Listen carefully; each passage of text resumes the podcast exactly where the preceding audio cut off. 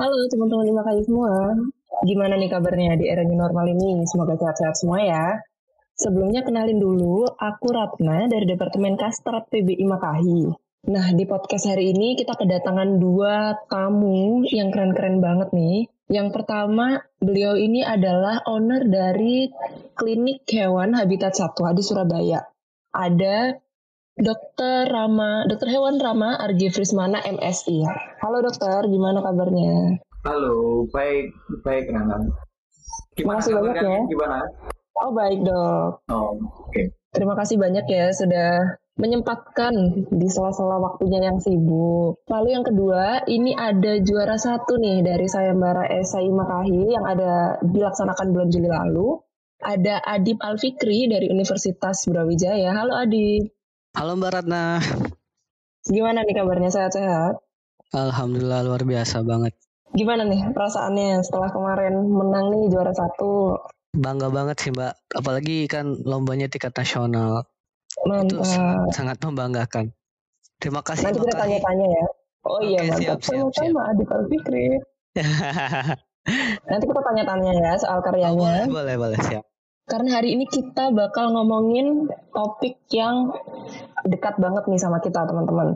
Tentang hubungan antara pemilik dan hewan peliharaannya di masa pandemi COVID-19. Karena banyak nih di berita-berita adalah konflik-konflik kecil gitu antara hewan dan pemiliknya setelah masuk ke masa pandemi COVID-19 ini.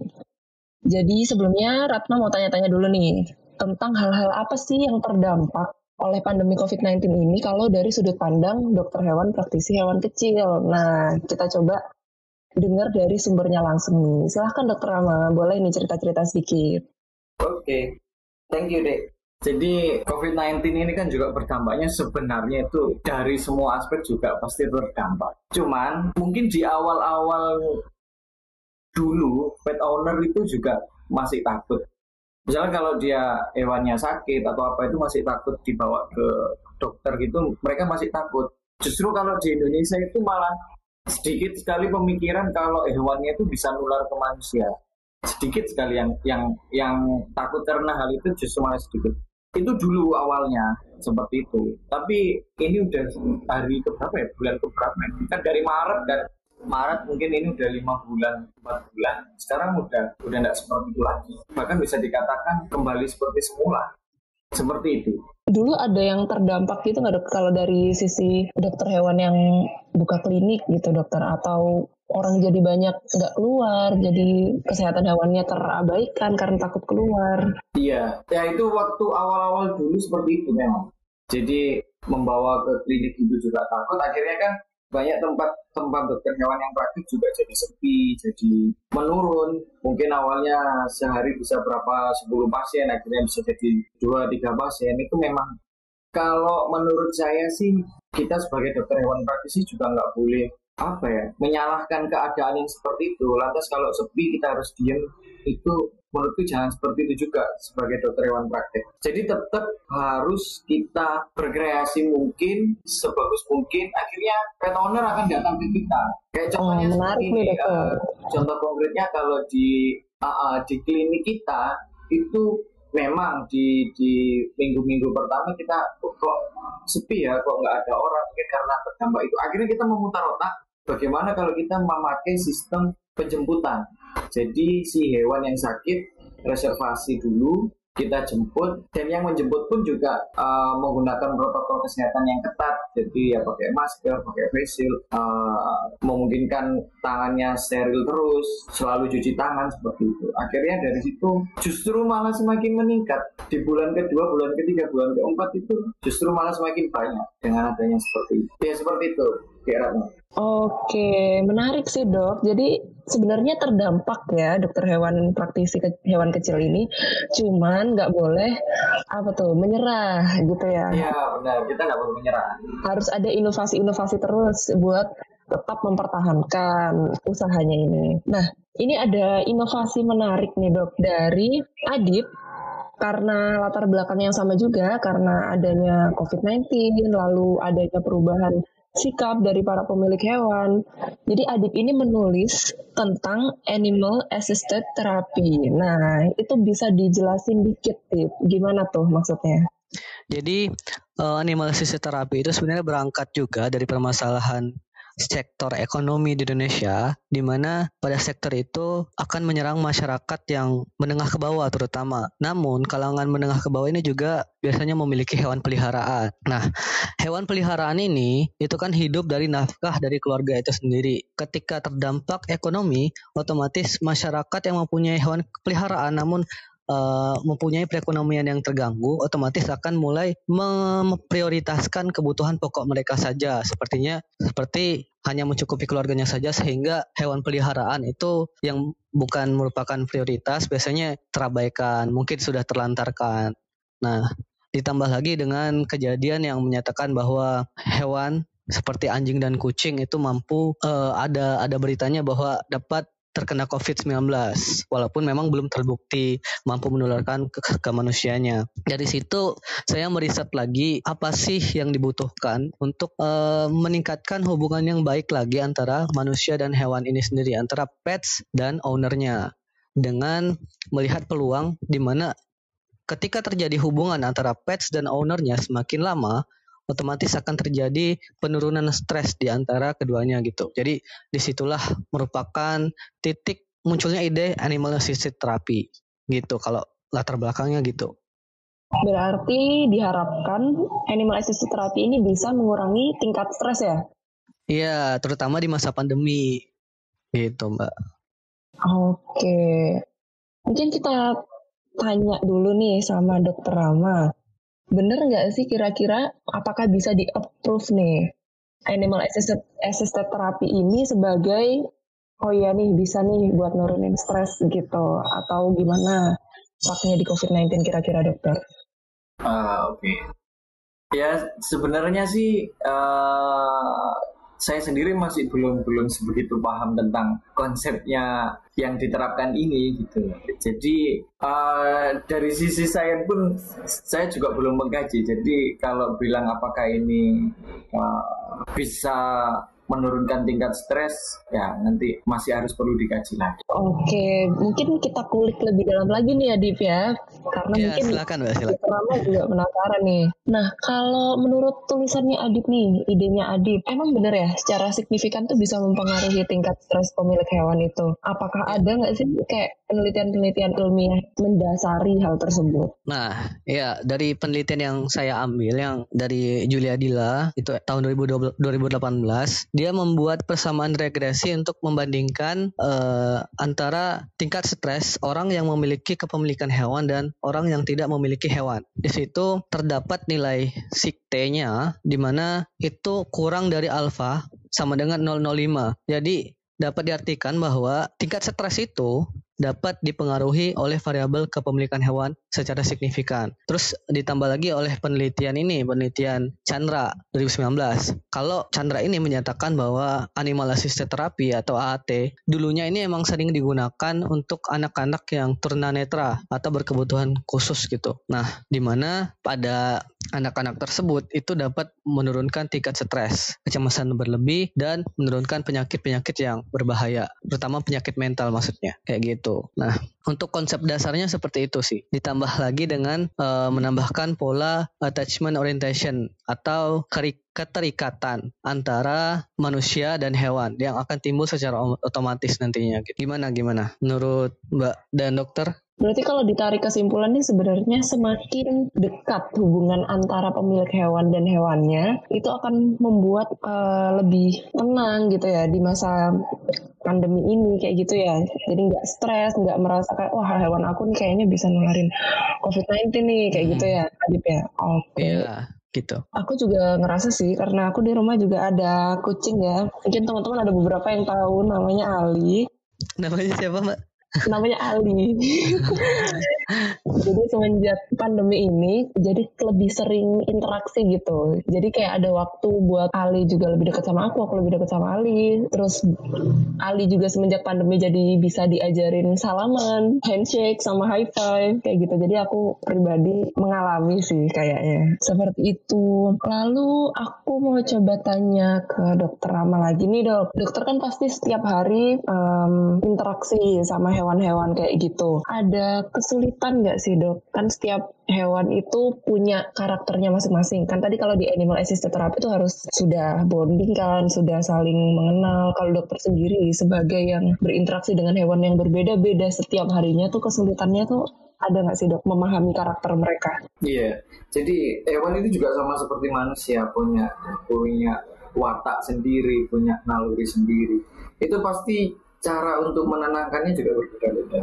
Uniknya jadi dokter hewan kan seperti itu. Jadi uh, lawan bermain kita itu si pasiennya itu dia nggak bisa ngomong, nggak bisa uh, komunikasi secara direct itu memang memang nggak bisa. Tapi kita bisa tahu apa yang dia mau apa yang dia dia takut apa yang buat dia senang. Itu sebenarnya kita melalui pendekatan-pendekatan seperti itu. Memang kita nanti sebagai dokter hewan praktisi memang dituntut sekreatif itu untuk menjadi dokter hewan. Pasti eh, di di di hewan seperti anjing itu malah ada tipe-tipenya. Ada yang tipe alfa ada yang tipe beta seperti itu. Jadi gimana kita uh, berkomunikasi dengan anjing-anjing yang bertipe alfa, anjing-anjing yang bertipe itu pasti berbeda-beda. Nah nanti uh, belajar di sananya nanti lama-lama akan tahu.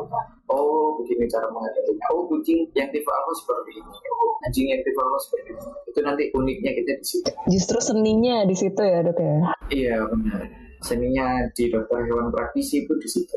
Iya, mungkin dari Adip kalau ada pertanyaan boleh loh Dip ditanyain mumpung ada dokter Rama ini. Oh ya, mungkin saya lebih ini sih lebih ingin menambahkan tadi pendapatnya dokter Rama tentang interaksi antara hewan dan manusia gitu. Oh iya silakan Adip. Iya, jadi setuju banget sih sama dokter Rama. Memang harus ada pendekatan khusus. Nah, dari karya yang saya tulis kemarin itu saya uh, saya juga mengkaji itu dari penelitiannya Chandra 2019 itu dia mempunyai teknik untuk membuat sebuah ruang, ruangan, ruangan yang didesain secara uh, tertutup namun seperti uh, tempat biasa, cuman di situ ada hewan di situ. Ada hewan dan uh, di tempat itu menjadi daya tarik manusia karena tempat itu dilengkapi dengan shop, tempat shopping dan tempat bermain anak dan dan sejenisnya. Jadi tempat itu didesain secara tertutup di mana manusia hanya bisa melihat hewan-hewan di sekitarnya dan begitu juga sebaliknya hewan juga hanya bisa melihat manusia di sekitarnya. Nah, hubungan yang menimbulkan sensasi yang sama seperti berada di ruang tertutup itu, itu akan membuat keadaan akan lebih tenang dan membuat manusia dan hewan itu menjadi lebih dekat secara tidak langsung dan akan berdampak pada kesehatan mental pada uh, kedua user ruangan ini tersebut yaitu hewan dan manusia. Itu semakin lama hewan dan manusia dalam uh, suatu ruangan yang sama berinteraksi maka akan semakin meningkatkan kesehatan mental mereka. Jadi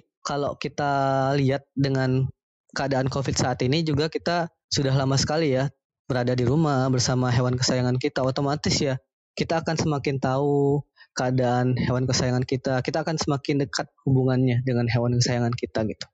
Nah dari situ eh, kita dapat mengukurnya. Mengukur gimana sih sebatas mana sih kedekatan kita bersama hewan kesayangan? Itu dengan metode attachment orientation tadi yang udah saya jelasin tadi ya. Itu Sebenarnya pola attachment orientation ini adalah melihat respon yang dapat diukur dengan attachment anxiety dan attachment avoidance. Jadi attachment orientation ini adalah sebuah pola untuk mengukurnya itu lewat attachment anxiety dan attachment avoidance. Anxiety itu adalah kita melihat tingkat kekhawatiran, tingkat kekhawatiran dari hewan, mau hewan peliharaan maupun manusia. Oke, jadi maksudnya Adip tadi dengan adanya interaksi antar manusia dan hewan itu dapat meningkat ada timbulnya sensasi-sensasi tersendiri seperti itu. Jadi lebih jadi dengan adanya interaksi tersebut jadi lebih dekat ya manusia dan hewan tersebut ya Adip ya. Iya benar sekali Mbak gitu. Oke, menarik banget sih ini. Semoga teman-teman yang dengerin podcast ini ya bisa mempraktekkan dengan hewan peliharaannya masing-masing. Pasti stres loh di rumah. Aku sendiri juga stres di rumah nggak bisa ke mana-mana, nggak bisa ke kampus, nggak ketemu teman-teman. Teman tapi untungnya ada hewan peliharaan aku yang bisa nemenin setiap hari. Adik sendiri punya hewan peliharaan? Punya kucing. Kucing oh ya berarti udah dipraktekin lah ya. Ya udah. Oke teman-teman ini udah 18 menit nih kita bercakap-cakap seru banget dari dokter Rama maupun Adib semoga informasi ini bisa dicerna oleh teman-teman pendengar semua dan bisa dipraktekkan mungkin untuk terakhir nih sebelum kita tutup dari Dokter Rama maupun Adib bisa kasih pesan nih untuk para mahasiswa kedokteran hewan di luar sana dan para pemilik hewan di masa pandemi COVID-19 ini. Mungkin dari Dokter Rama dulu boleh? Iya boleh boleh. Jadi um, menurut saya sih pandemi ini bukan bukan ini. Uh, kita boleh takut tapi kita nggak boleh ketakutan sebenarnya. Jadi apa pun itu yang terjadi, kalian sebagai mahasiswa tetap berkreasi. Kalian sebagai mahasiswa di porsinya kalian sendiri. Sebagai pet owner juga kalian harus lebih aware. Tidak usah ketakutan. Terus untuk semua dokter-dokter praktisi mungkin ini juga didengar sama dokter praktisi yang lain. Boleh dokter. Ah, ah, ah. jadi kalau sebagai dokter praktisi mungkin kita juga harus jangan berhenti di situ ketika ada permasalahan. Jadi dokter hewan itu bukan hanya sekedar menyuntik hewan, selesai sembuh, selesai sakit disembuhkan gitu. Bukan seperti itu sebenarnya konsepnya dokter hewan. Jadi kalian bisa melakukan banyak hal. Jangan terpaku hanya seperti itu. Jadi akhirnya seperti itu. Uh, kita menunggu pasien itu datang. Kalau nggak ada pasien itu kita nggak bisa menyembuhkan dan seperti itu. Tapi tetap kalian sebagai dokter hewan praktisi juga harus berinovasi banyak loh sekarang itu ada yang menciptakan sistem pet taksi, ada yang menciptakan sistem pet life, jadi kayak uh, apa namanya seperti traveloka kayak gitu gitu. Tapi dia basisnya itu di kedokteran hewan, jadi mengambil hewannya untuk untuk fasilitas grooming, untuk fasilitas beli pakan itu ada. Jadi saya lihat sekarang itu banyak banget yang seperti itu. Bahkan ada yang uh, membuat SOP baru. Jadi dia itu anamnesanya melalui online. Jadi ada videonya juga. Jadi dari jarak jauh. Yang di advise kan dari praktisinya ke ke pet owner itu ya kayak apa ya sesuatu yang yang mungkin bisa dilakukan di rumah. Tapi kalau di rumah itu nggak bisa, baru nanti bisa ke klinik seperti itu. Itu banyak banget inovasi. Cuman nggak semua dokter seperti itu. Jadi kalau kalian nanti mungkin juga mahasiswa IMAKAHI ini apa ya nantinya juga menjadi seorang praktisi ya berinovasi jangan berhenti di situ. Jangan pernah berpikir dokter hewan itu cuma nyuntik aja dan menyembuhkan hewan sakit bukan seperti itu. Ya sama kayak apa yang dibikin Mas Adib ini kan uh, suatu konsep KAT ini. Sebenarnya konsep ini sudah lama kayak yang dulu di, di terapi uh, lumba-lumba terapi kuda untuk menyembuhkan orang berkebutuhan khusus orang-orang yang uh, ada mental illness kayak seperti itu seperti itu kan. Dari lama sebenarnya sudah ada. Mungkin karena ada covid ini kita di rumah terus interaksi sama hewan ditingkatkan. Jadi seperti itu. Saya juga punya kucing kok. Namanya juga kucing ya harus diperhatikan juga. Mungkin Mbak Mbak Ratna mungkin pernah tahu kucing saya itu kan juga sekarang iya, iya, iya. semakin unik dia. Kenapa tuh dok unik dok? Iya ada bonding uh, kucing saya itu. Jadi ini istri saya pun di mana ya? Pertama kali tahu istri saya hamil itu justru yang tahu pertama malah kucing saya. Gimana tuh ceritanya kok bisa dia yang tahu duluan? Uh, lah ya kayak kayak kan mungkin kan kita kalau untuk untuk tahu hamil kan harus tes pack harus apa. Itu tiba-tiba kucingnya lompat di kasur dia pegang perut. Jadi kayak dulu nggak pernah dia megang perut istri saya. Terus tiba-tiba dia megang perut terus hampir setiap hari. Terus itu terpikir oh, kenapa ini? Terus coba sih tes pack aja ini ternyata beneran istri saya hamil. Jadi bonding-bonding seperti itu itu menurut saya harus ditingkatkan. Itu justru malah kucing saya yang tahu duluan. Itu udah bonding banget itu berarti ya, uh, uh, uh, seperti itu. Jadi dia kayak justru kita yang kita yang nggak tahu malah dia yang bisa merasa. Sebenarnya kan uh, hewan itu juga mengeluarkan energi, kita juga mengeluarkan energi. Energi itu bisa bertemu. Karena yeah. ketika bertemu itu akhirnya timbul bonding-bonding, timbul chemistry seperti apa? Seperti itu. Jadi ya sebenarnya menarik apa yang ditulis sama Mas Adib. Oke, okay, thank you. Thank you. Saya balikan ke Mbak Ratna. Oke, okay, berarti buat para pemilik hewan di luar sana jangan panik. Boleh khawatir, boleh waspada, tapi nggak boleh terlalu takut kayak gitu. Buat teman-teman juga yang nantinya ingin jadi dokter hewan praktisi hewan kecil seperti dokter Rama itu tadi sudah ada tips-tipsnya. Jangan berhenti berinovasi gitu ya dok ya. Lalu, halo Adib, gimana nih? Mungkin dari sang juara boleh nih pesan-pesannya untuk mahasiswa kedokteran hewan di luar sana dan pemilik hewan di masa pandemi ini. Ya, sebenarnya sangat menarik banget tadi apa yang dikatakan oleh uh, dokter Prismana. Ya, hampir sama seperti dokter Prismana pesan-pesan saya juga kepada seluruh teman-teman mahasiswa terutama di masa pandemi bukan waktunya buat kita bersantai-santai. Jadi gunakanlah itu untuk mengikuti segala event yang tersedia, mencari ilmu sebanyak-banyaknya, terus memberikan inovasi-inovasi yang terbaik dalam usia kita yang masih muda saat ini. Perbaiki hubungan bersama hewan kesayangan masing-masing, terutama di masa pandemi ini, lebih dekat lagi, lebih dekat lagi, lebih dekat lagi, sampai hubungan kalian itu dapat menimbulkan kesehatan mental bagi kalian berdua sebagai hewan kesayangan dan pemilik hewan kesayangan. Itu aja sih pesan dari saya. Oke, thank you banget Adip. Oh ya teman-teman, buat yang penasaran, kliniknya Dokter Rama, jadi bisa dicek nih di IG-nya ada habitat.klinik, kliniknya pakai C ya. Itu ada di Surabaya, bisa dicek di IG-nya, alamatnya dan kontaknya. Untuk Dokter Rama dan Adi, terima kasih banget sudah bisa nemenin aku ngobrol-ngobrol hari ini. Iya Mbak, terima kasih sama-sama. Iya, oke okay, kalau gitu teman-teman pendengar, kita akhiri dulu di sini dan sampai jumpa di podcast-podcast selanjutnya. Jangan lupa di follow akun Spotify kita karena kita bakal update konten-konten menarik lagi. So, bye-bye.